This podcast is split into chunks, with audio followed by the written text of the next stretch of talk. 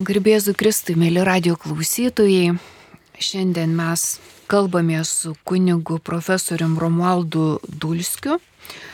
E, jį kalbinu aš Bronė Gudaitytė ir mes kalbėsim apie visiškai šviežią, naujai išleistą kunigo profesoriaus Romualdo Dulskio knygą Pasivaikščiojimai su Liedzi. Žmogaus pašaukimo slėpinys daoistinėje pasaulėje jautoje. Taigi, kaip praeitą kartą mes minėjom, kad labai svarbu yra būtent tas tarp religinis dialogas, tai galbūt dar kažką norėtumėt pradžioje pasakyti apie jį, kodėl čia mums jisai yra toks svarbus ir net būtinas. Sveiki, gyvi mėly radio klausytojai. Taip, katalikų bažnyčios oficiali linija yra palaikyti religijų dialogą. Ir turbūt ir tuo tokiu bendru požiūriu matome, kad dialogas iš viso e, praturtina mus, bet koks. Susitinkam kitą žmogų, pasikalbam, sužinom, pažiūrėjau, tiesiog kokius nors faktus mums iki tol nežinotus, arba jeigu išminčių kokį susitinkam, tai išmokstam ką nors. Vaiką kokį susitinkam ir tas vaikas, pavyzdžiui, yra tiesiog paveldėjęs kitus dalykus, kurių mes neturime. Pavyzdžiui, mes galim būti liūdini, o tas vaikas linksmas iš prigimties, nes, nu, jo genai tokie. Ir mes žiūrim, kodėl tikrai dabar turi būti liūdna, žiūrėk, kaip jis linksmas. Reiškia, mes tikrai tiesiog socialinės būtybės esame ir dialogas, nu čia net nereikia ir aiškinti, kad mus praturtina. Bet kodėl tada religiniai srity, kada ateina religi, mes imam kalbėti apie krikščionybę, Ir tada, o yra tokia linija ir ji, ji yra, kad ji yra bažnyčioje, kad, žinai, ne, bet ji nėra, nėra iš tikrųjų bažnytinė, ji, ji sakyčiau, truputį anti bažnytinė, kuri taip labai skeptiškai, labai nuvertina, labai, nu, niekina tą, reiškia, kad ir neduoda atsakymų žmonėms, o žmonės vis tiek susiduria su, su kitomis religijomis, bet aš noriu visada pasakyti, kad tos kitos religijos, tai jos iš tikrųjų labiau yra kiti mokymai negu religijos. Tai kita pasaulyje jau ta tokia, kita filosofija, kitas toks e, nu, traktavimas įvairių e, egzistencinių klausimų, pavyzdžiui, kur visiškai nesikerta savo esme su Kristaus mokymu e, priešingai, gal net kažkaip iš tikrųjų padeda mums neišsemiamus Dievo turtus, kaip apaštalas Paulius sako, neišsemiama e, Kristaus turtai, jo pažinimas neišsemiamas. Tai, tai civilizacijų dialogas, kultūrų dialogas, jis labai praturtina abi komunikuojančias kultūras arba abi civilizacijas, kurios leidžiasi viena su kita nu, kalbėtis. Ir Ir iš tikrųjų tai, ką mes vadiname tarp religinių dialogų arba religijų dialogų, tai e, reiktų turbūt žiūrėti taip, kad tai padeda mums įsigilinti į Dievo slėpinį tuos mes vartojam žodžius Dievo slėpiniai arba rožiniai, kai katalikai varom, sukam ir sukam, sakom, Kristaus slėpiniai. Reiškia, tai neišsemiama. Ir tas žodis slėpinys reiškia, kad čia neišsemiama. Tas yra. Tai Kristus yra slėpinys, kuris yra neišsem, neišsemtas. Jeigu tu galvoji, kad jau tu išsėmei, tai čia yra visiškai nekatalikiška nuomonė. Tai čia keistas Dievo supratimas, jeigu gali pasakyti, kad aš jau viską dabar žinau, suprantu taip apie Kristų, taip pat jis iš naugimė Betlėjui, mirė prie Jeruzalės ir taip toliau ir prisikėlė, viską žinau. Čia taip viską. ir dar galiu nuvažiuoti dabar. Nuvažiuoti, apeiti, kryžiaus kelius atsiklaupęs apeiti, ar ar ką, ir čia viskas. Tai čia yra slėpinys ir jis yra begalinis. Ir Dievas turbūt jis nori, kad mes tą slėpinį numedituotume, eitume į jį. Tai vienas dalykas reiškia dialogas, bet koks e, toks, nu, paprastas dialogas kasdieninis, dialogas tarp kultūrų, tarp civilizacijų dialogas, tarp įvairių mokymų dialogas, jis mus praturtina ir jis praturtina mus e, asmeniškai kaip individus ir jis praturtina tuos mokymus, kurie leidžiasi į tą ir leidžia mums pažinti, sakykime, tą dieviškumo slėpinius, bet taip pat žmogiškumo, žmogiškojo pašaukimo slėpinys. O mes katalikai, tai mes labai, net tie, kurie ne kunigai, bet mes iš to, nu, aš taip matau, man atrodo, jaučiu, kad tas kunigystės reiškia, kas yra kunigas. Pasaulietis žmogus, jisai turi tam tikrą įvaizdį, koks turi būti kunigas. Ir pagal tai jis save formuoja. O tai rašo toks, toks, toks turi būti. Nes mano kunigo įvaizdis toks. Ir čia katalikybėje tikrai kunigas yra labai svarbi persona tokia, va, reiškia, protestantizme daug mažiau pastorius svarbus, bet katalikybėje tai kunigas labai svarbus, nu jis kaip idėja tokia. Bet ką aš noriu pasakyti, bet ka, o kas tas kunigas, a, apibriešk dabar. E, Tai tas e, koks dabar. Ir, ir, dab, ir reiškia teologija arba tas pats bažnyčios mokymas sako, čia kaip Kristus kunigas, nes Kristus yra tas kunigystės šaltinis, tas amžinasis kunigas yra Kristus. O, o ką jis kunigavo, ar jis iš pažinčių klausė, ar, ar ką jis atliko tokio, ką dabar kunigai nuo ryto iki vakaro daro. E, nieko beveik tokio, jis visai kitaip, e, nu, pasireiškė, bet tame ir buvo kunigystės esmė.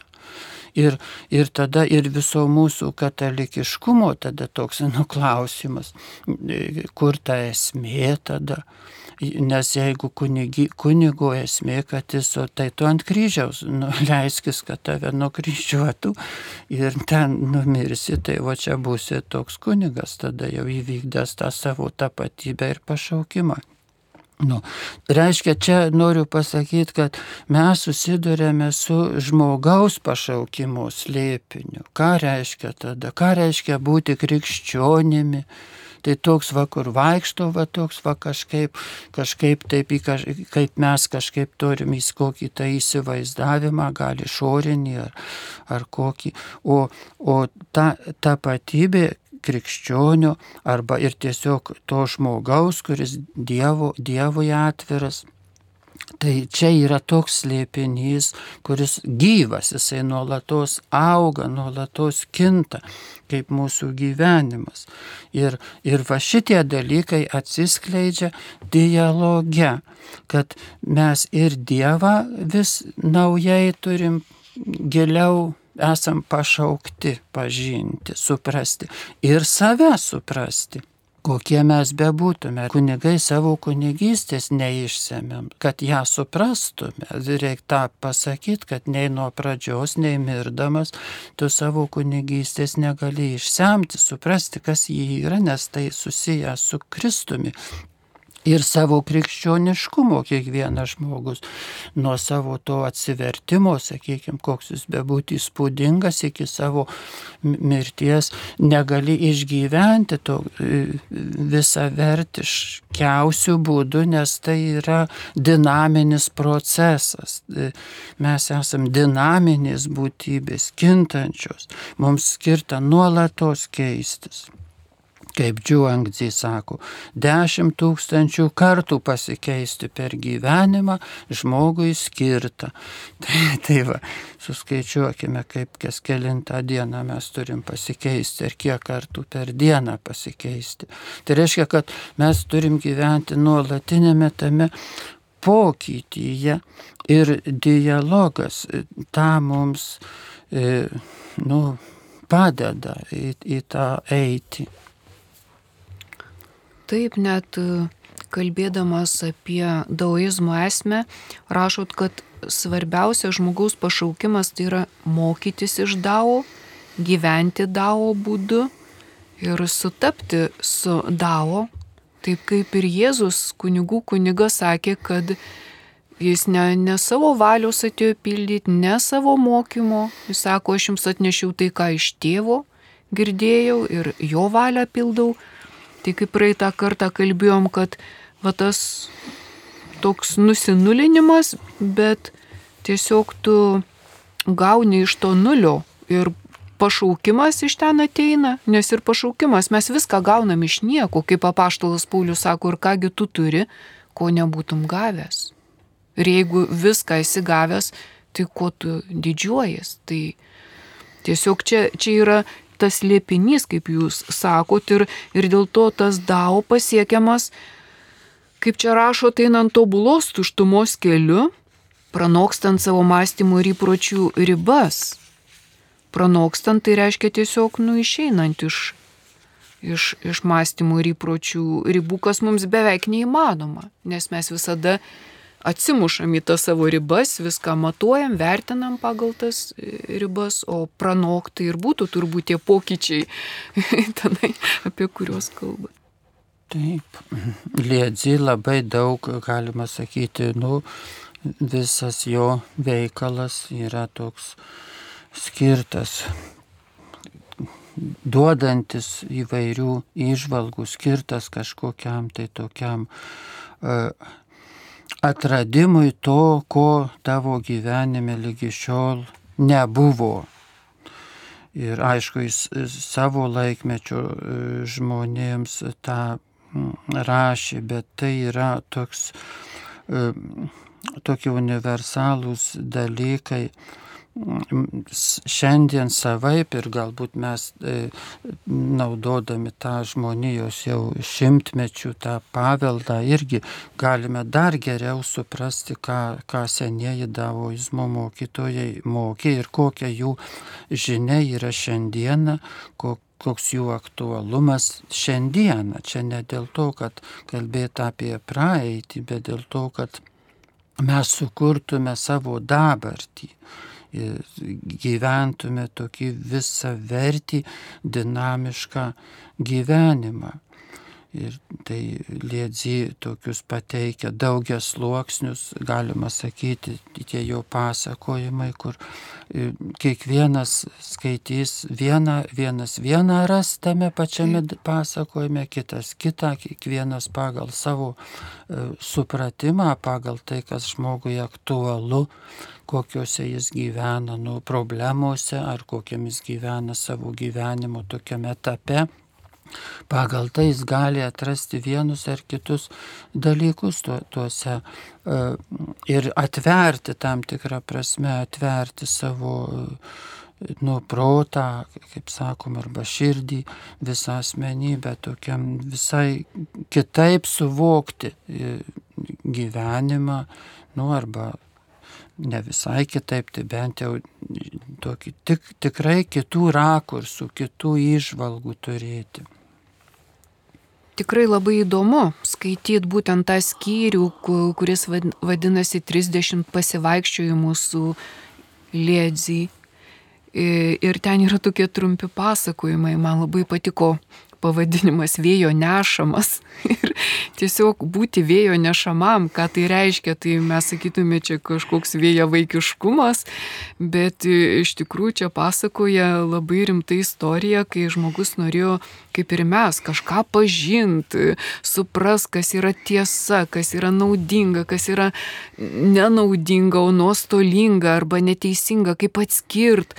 Ir čia kaip tik istorija apie, apie tokį mokinį, kur čia iš tikrųjų tas mokytas pasakoja savo istoriją mokiniui ir sako, taip, tikrai aš maniau, kad galima suprasti, kas yra teisinga ir kas yra naudinga. Ir net tris metus lavinausi.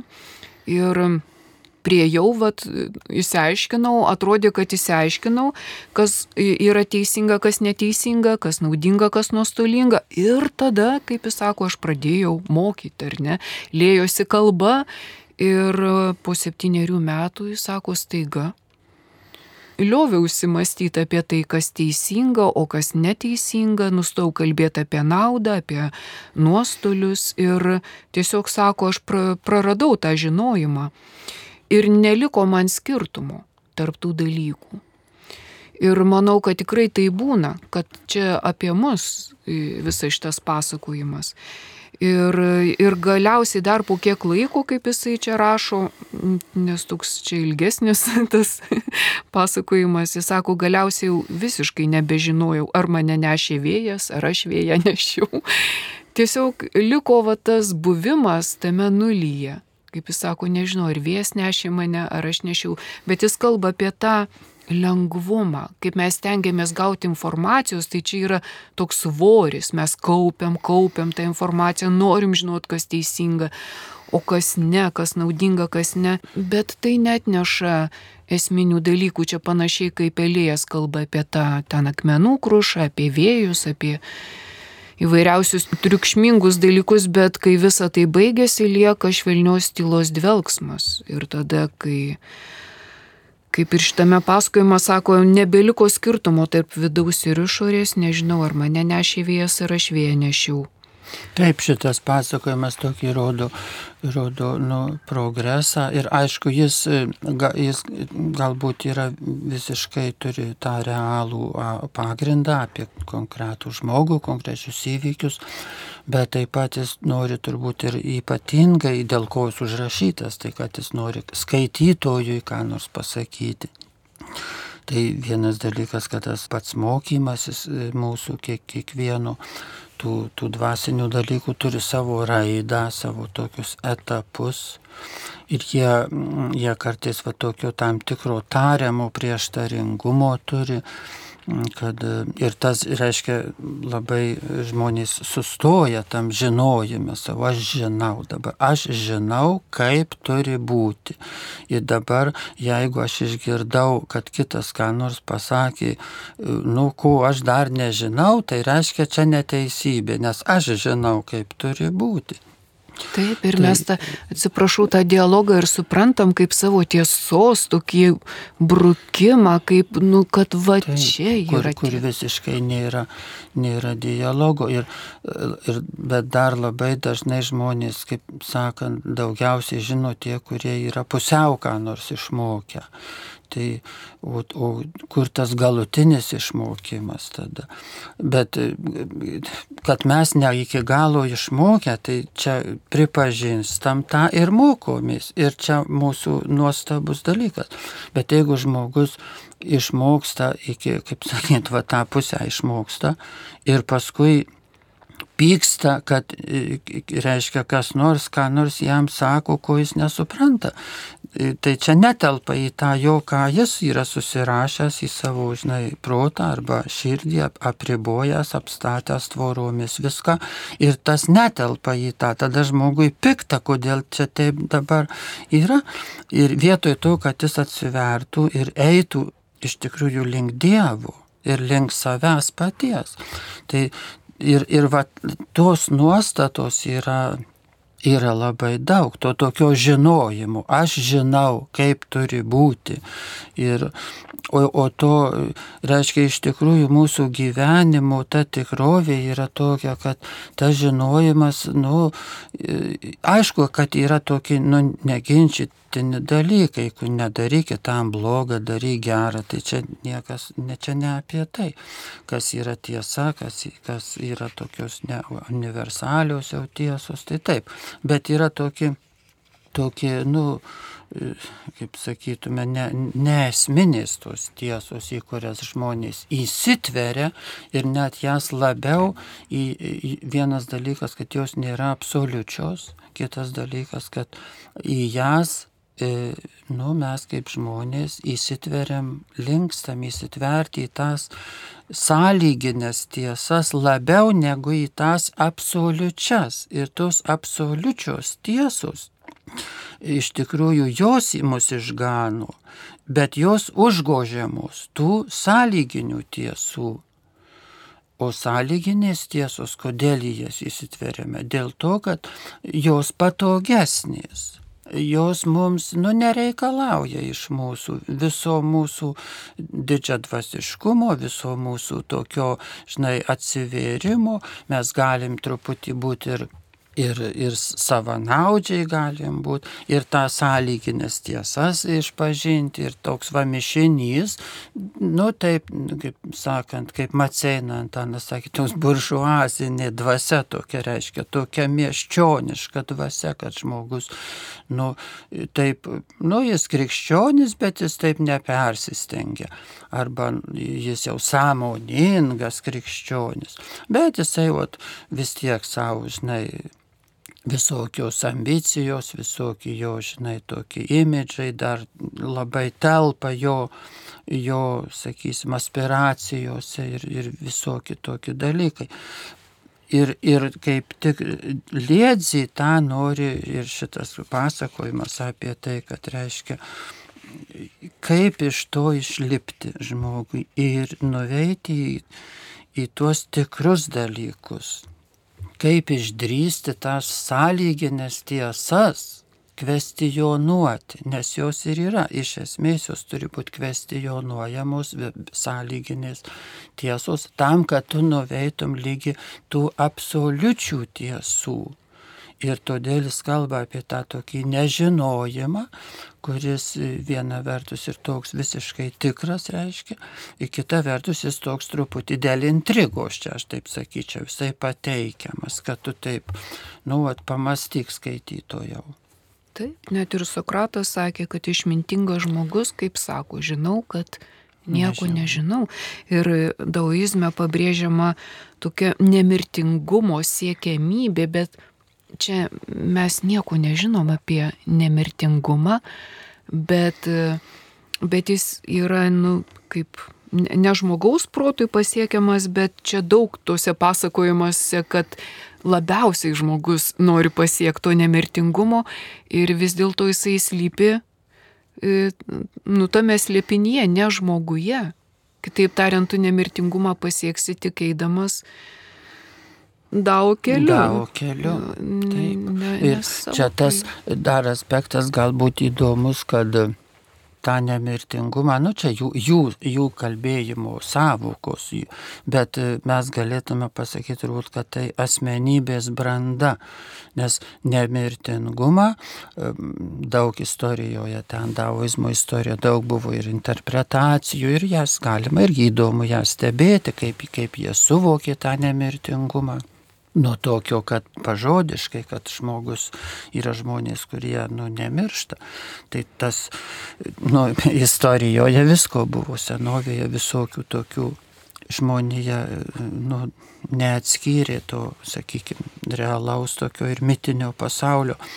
Bet šiandieną, ką suvokiame, kad reiškia ta nemirtingumo savoka glaudžiai siejama su labai brandžia asmenybė. Ir daoistinė tradicija pabrėžia, kad kaip svarbu tu nepražiopsok šito gyvenimo, nepražiopsok. Išugdyti, išskleisti savo asmenybę. Nes tik tai išugdydama savo asmenybę, tu veiksmingai galėsi pasitarnauti visuomeniai. Jeigu tu esi menkysta, tai tavo ir tarnavimas visuomeniai bus egoistinis, su išskaičiavimais arba su dideliais pražiūrėjimais, arba su tiesiog tu net nenorėsi normaliai tarnauti. Tik tai žmogus e, nu, visiškai tokį pasiekęs, e, čia nu, neapibūdinsiu gal vienu sakiniu, reiškia tą asmenybinę brandą, jis ką bedarytų gyvenime, ar jis savo tik vaikus augina ir nieko daugiau nedaro, ar jis visą valstybę valdo, tai tik tada jo, jo ta socialinė veikla duoda tikrus vaisius.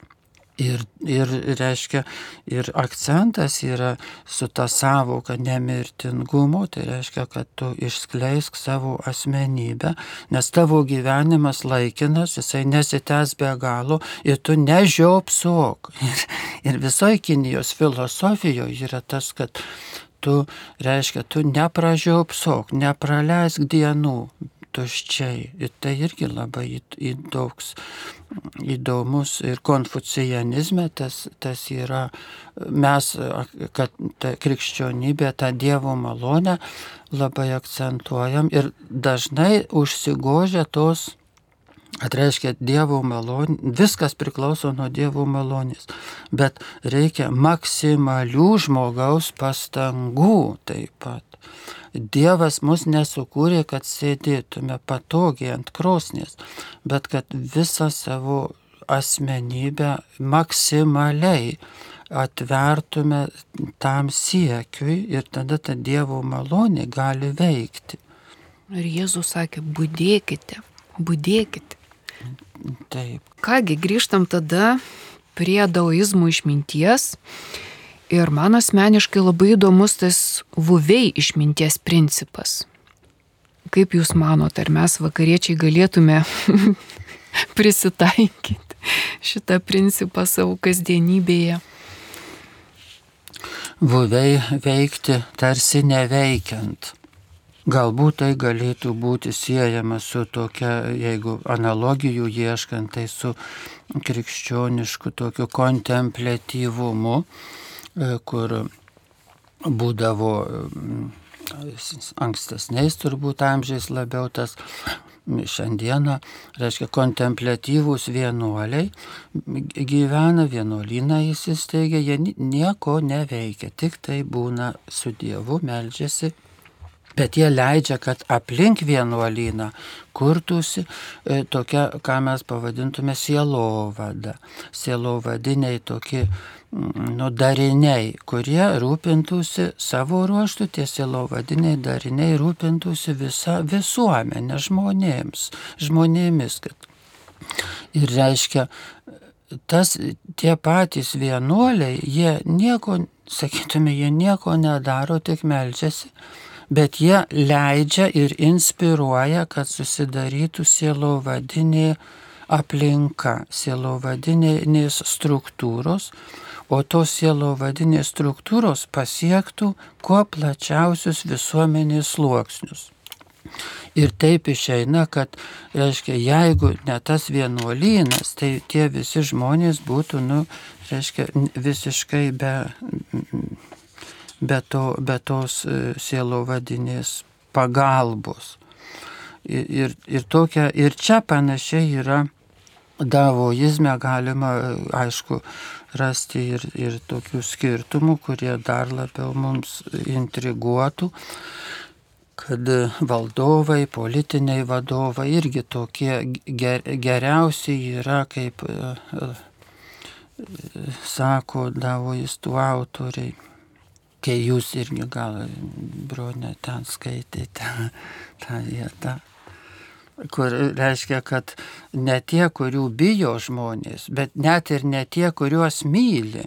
Wow. Bet tie, kurių žmonės net nelabai žino, kad yra tie vadovai, va tie yra patys geriausi. Suprantate, ir čia yra, galima sakyti, mūsų šiandieniai sąmoniai yra čia revoliucinė mintis.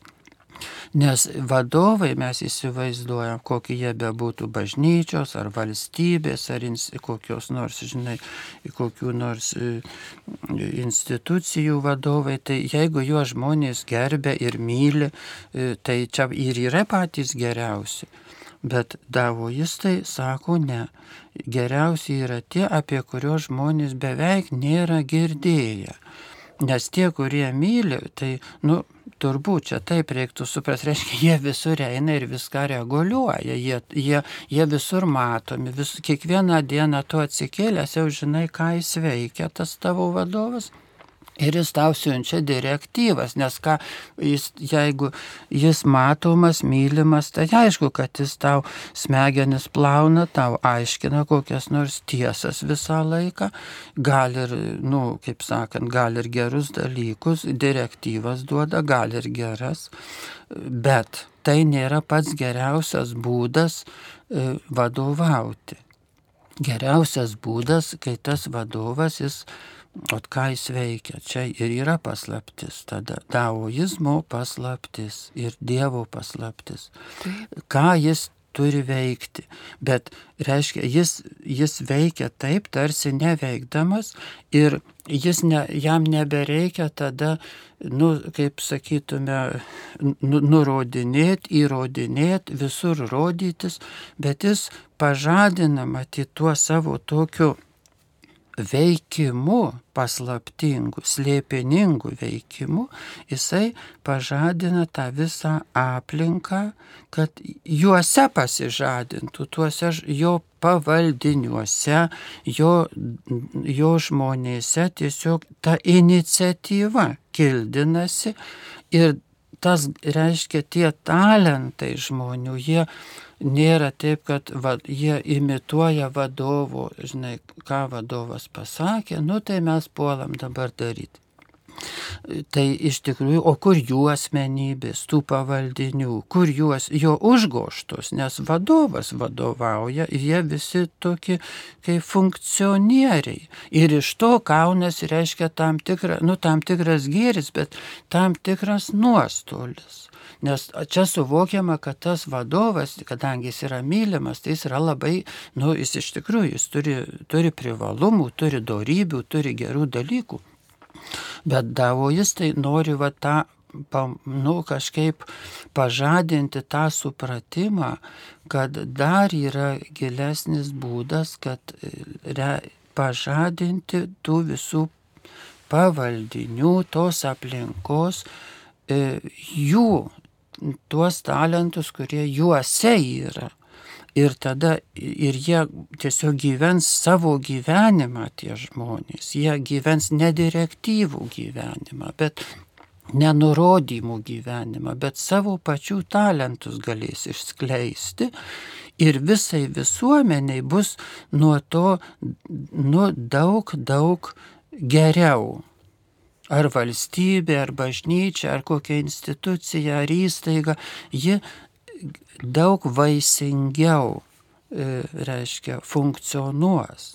Nu, va toks. Nu taip, ir, ir, ir, pats, ir kalbant apie atskirą žmogų, lygiai tas pats, kaip čia, kai jau knygos paskutiniam skyriui rašote apie mistinę patirtį ir išvalgą, tai e, būtent apie tai, tai ir rašot galiu pacituoti, kad jei siekiama vien išorinių rezultatų, pasiekiama tik netvarūs menkaverčiai vaisiai, iš, išsenka jie labai greitai. Tik slaptoje daromi geri darbai ir paslėptos darybės yra išmintingo gyvenimo dalis. Ir Vat ta slapta praktika, čia gal ir nuo ko mes praeitą kartą kalbėjom apie tą vidinę alchemiją, Tai tie vidiniai pokyčiai įmanomi tik slaptoje. Ir Jėzus irgi patarė ir melsti slaptoje, ir daryti gerus darbus slaptoje, tegul tavo ten kairė nežino, ką daro e, dešinė. Taigi tie paslėpti dalykai ir parodo tą tikrąją vertę, ar tu iš tikrųjų juos darai visą savo esmę, kaip moktose kartą sakė, vien Kad tu padarysi gerą darbą dar nieko nereiškia. Labai svarbu, kokia yra tavo esmė. Jeigu būsi didžios esmės, jeigu ir ant akmens užlipsi, tai tas veiksmas bus daug esmingesnis negu, kaip jis sako, tavo komunijos prieimimas, bet jeigu tu nebūsi didžios esmės, tai visiškai net tavęs nepalies šventas veiksmas. Tai vad kaip svarbu ta, ta esmė, kuri, kuri yra didžiausias slėpinys. Bet iš kitos pusės, kuo galima nuraminti mūsų vakariečius, kad ir Jėzus sako, kad nu neįmanoma paslėpti ant kalno miesto ar, ar uždegto žiburio. Tai, tai ir čia, kad ta esmė pasireikš kaip praktinis gyvenimo būdas, bet kaip, kaip ir jūs sakot, tai nėra koncentracija į save, bet nei vienas šventasis nenuėjo į dangų tik sa, savim besirūpintamas, bet visi šventieji buvo tie, kurie rūpinosi kitais ir todėl ir jie patys tapo šventais. Tai va tas, kaip ir Jėzus sako, užtenka stiklinę vandens paduoti, bet kokią, kuri gaivintų. Ir vat, o iš kur man žinot, kokia gaivina, mes dažnai brutaliai primetam, taip, pridedam taip. cukraus, druskos ar kažko, ko, kas man gerai, bet, bet ne apie tai. Ir va čia tu turi kitą išgirsti, tu turi pamatyti, tai yra slėpiningas gyvenimas, tik gyvendamas tą tikrą vidinį slėpiningą gyvenimą, tu gali suprast, kokį tą vandenį kitam paduot.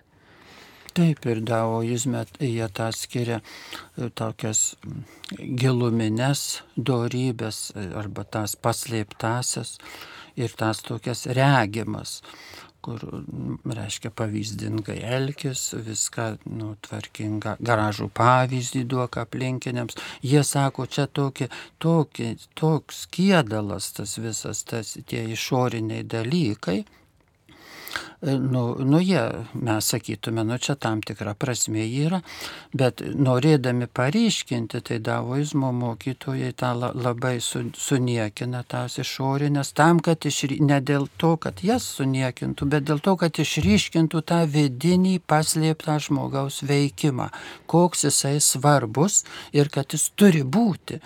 Reiškia, esmė žmogaus ar krikščionio, ar ar bet, bet kokio e, žmogaus, ar, ar einančio aukštas pareigas, ar, ar einančio papras, jokių pareigų neturinčių.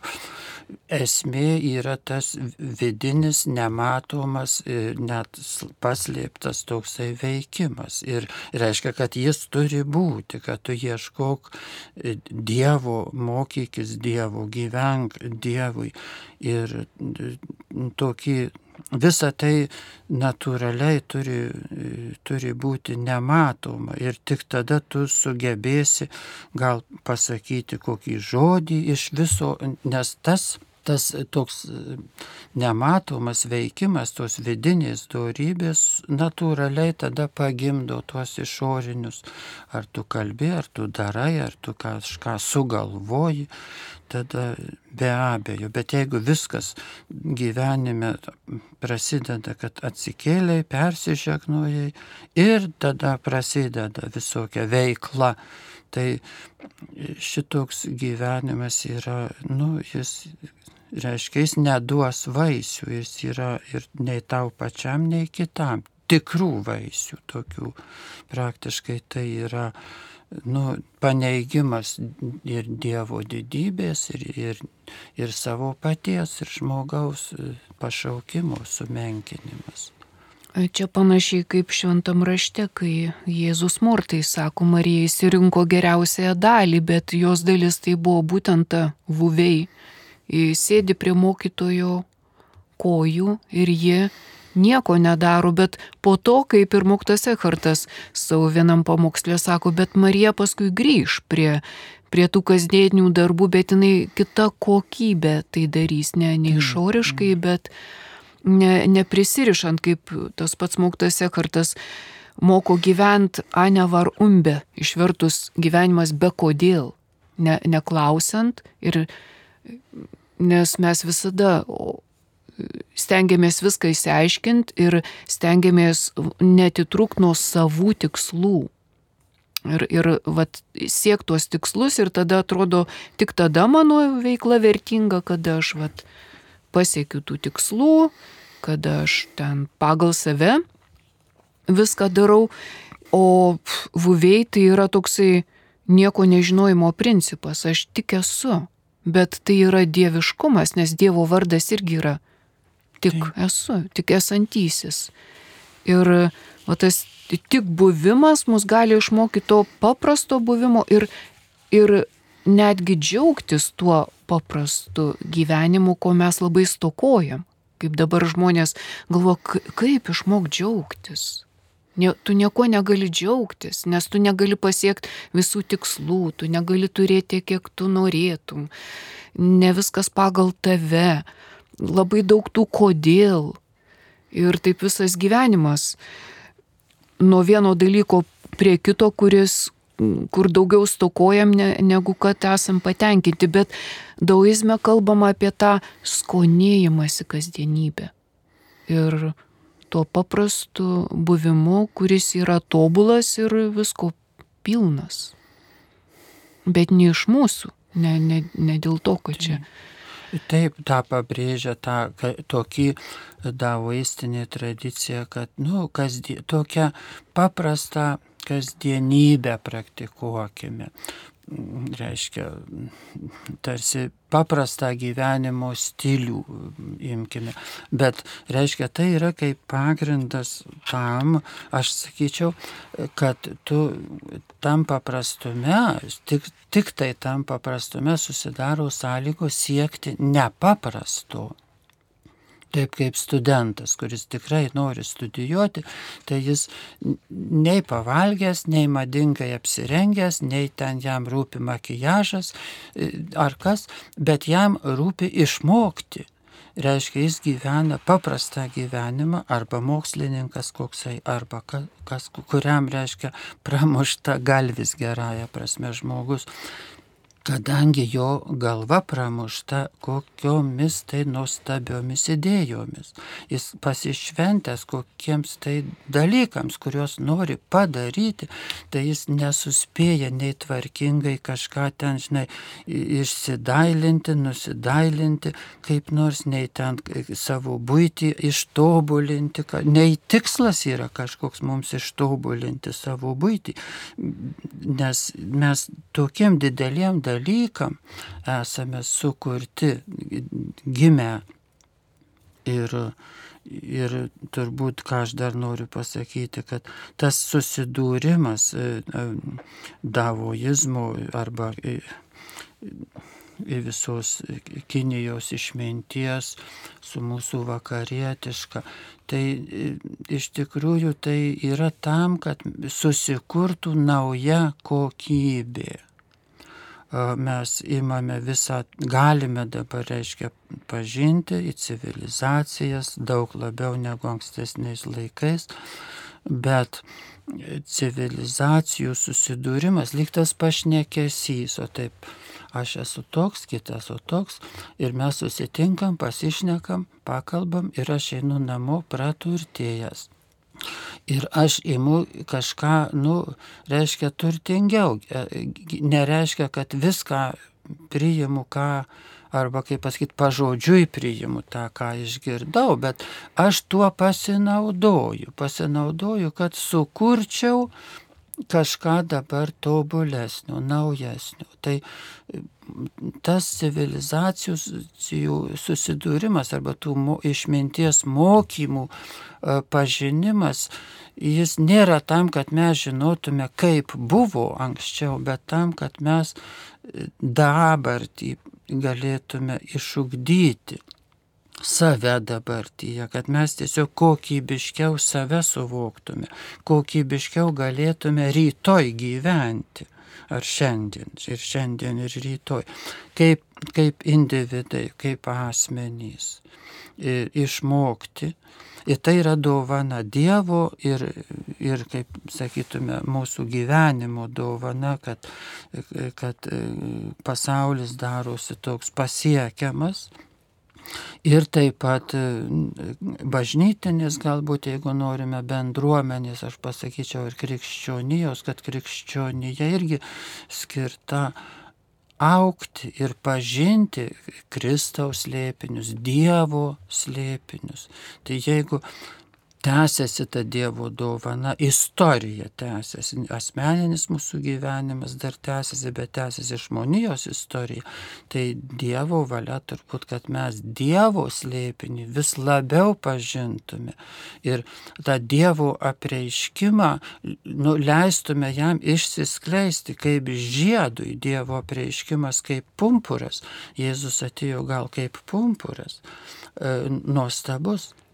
Bet jo valia turbūt yra ta, kad mes leistume išsiskleisti tam pumpuriui į nuostabų žiedą ir, ir, ir tame yra jo, jo tikrasis ir, sakysim, ir, ir sekimas jo turbūt neįsitverti jį kažkaip į tą tradiciją, kuri yra, buvo sukurta lygi šiol, mes patys ją sukūrėme tą tradiciją, kokią nors bažnytinę, religinę, ir ji turi būti toliau plėtojama, atrodytų, kad taip, nes visas gyvenimas į tą, tą turi aspektą, kad viskas plėtojasi, auga, ir, ir skleidžiasi. Ir, ir tas šiandienis mums turbūt tas pažinimas duodamas yra tam, kad mes galėtume taip pat įsiskleistų mumyse ta, tas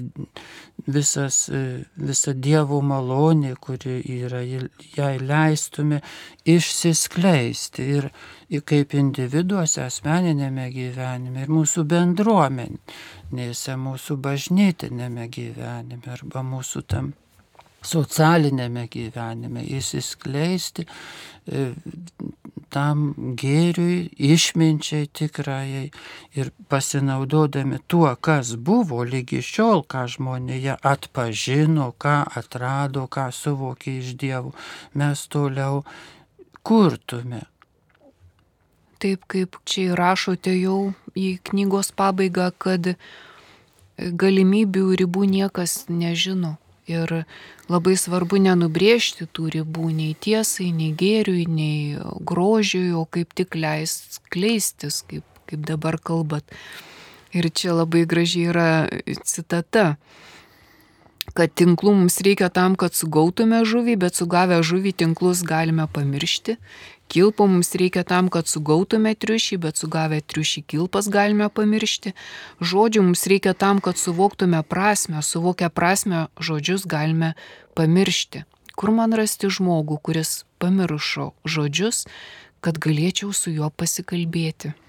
Taigi, šią citatą ir baigsim šitą mūsų pokalbį ir susitikimą. Ir kągi, galite pamiršti viską tam, kad galėtumėte praplėsti tas ribas ir, ir, ir pasikalbėti, galbūt tikrai savo širdyje, galbūt perskaitę šią knygą, apie kurią mes kalbėjom. Ir jeigu kam įdomu, tikrai įsigykite ir išstudijuokit ir atraskit e, tai, ką, ką jūs vienintelis ir vienintelį atrasit šitoje knygoje.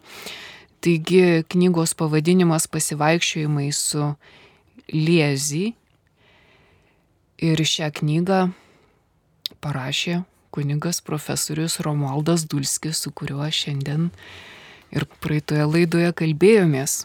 Taigi atraskite šitą lobyną, neįsigaskit, dėl to nereikia dabar sakyti, ai, tai dabar turbūt reikės atsisakyti krikščionybės, tikrai ne. Kaip tik ją giliau, giliau suprasim ir savo pašaukimą ir, ir atrasim tokių tikrai labai gerų dalykų, kuriuos galima pritaikyti savo gyvenime ir, Ir kaip šitoje knygoje sakoma, ir užčiopta ypatinga galimybė ribas praplės, o galbūt netgi pasiektą nemirtingumą.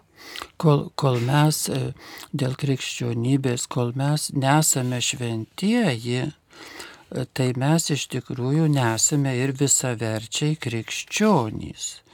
Ir e, reiškia, tam, kad mes taptume krikščionys, mes turim tapti šventaisiais. Tai tada mes galėtume sakyti, o aš jau dabar tikras krikščionis.